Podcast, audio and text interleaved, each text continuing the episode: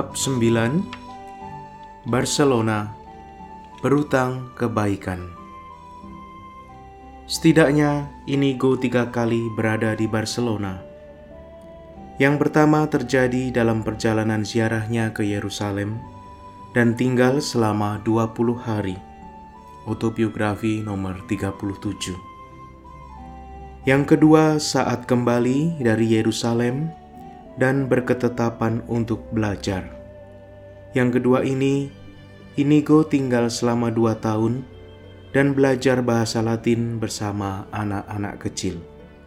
Autobiografi nomor 56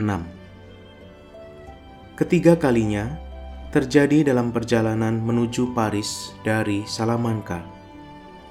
Dikatakan bahwa dari Barcelona, Inigo berjalan ke Paris untuk studi filsafat dan teologi.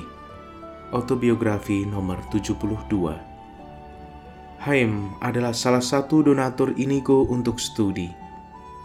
Haim bekerja di Keuskupan Barcelona yang pada tanggal 16 Mei 1546 diangkat menjadi uskup Barcelona.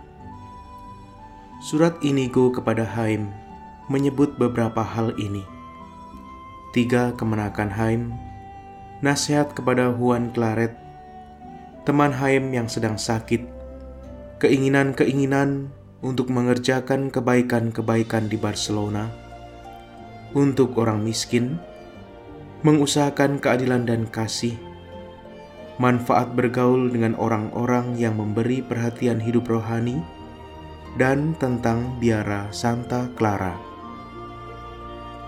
Berkenaan dengan keinginan untuk mengerjakan kebaikan-kebaikan di Barcelona. Ada satu kalimat yang memperlihatkan betapa Barcelona demikian istimewa bagi perjalanan hidup iniku. Karena menurut saya dan saya tidak ragu, betapa saya berutang kebaikan kepada penduduk Barcelona, melebihi kepada penduduk tempat lain dalam hidup saya. Haim Casador, Venesia 12 Februari 1536 Bagi Inigo, Barcelona adalah kota yang tak terlupakan.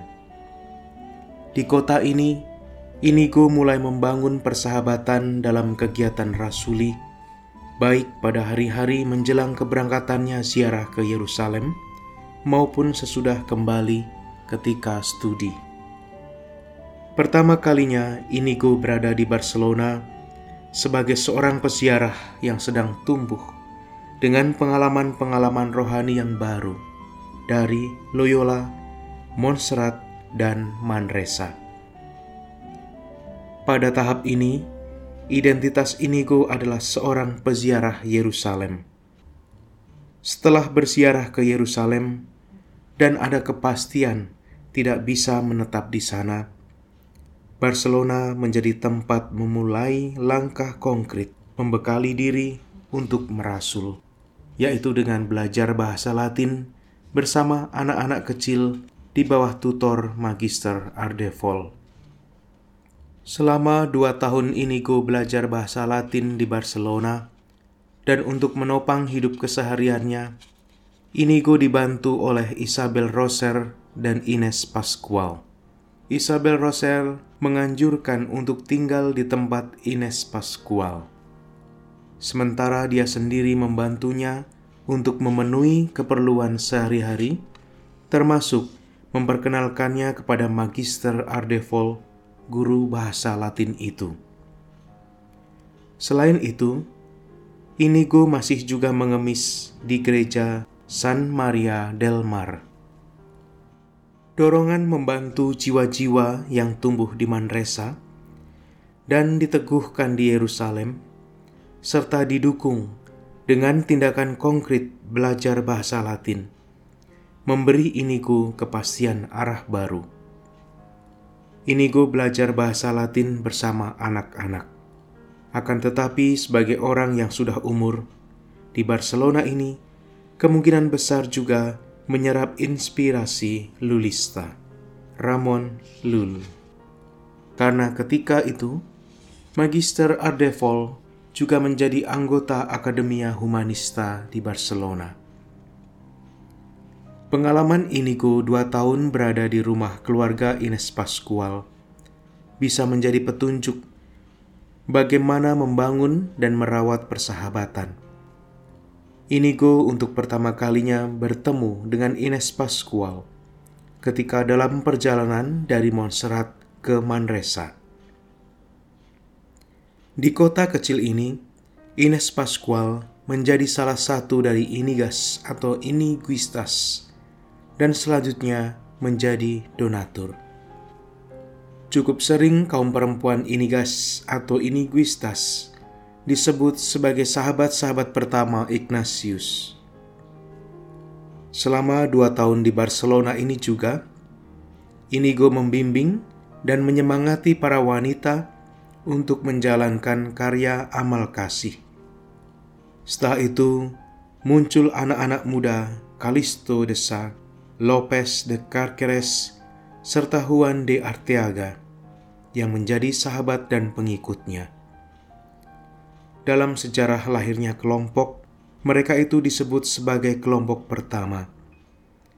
Kelompok ini tidak berhasil menjadi kelompok inti Inigo yang melahirkan serikat Yesus.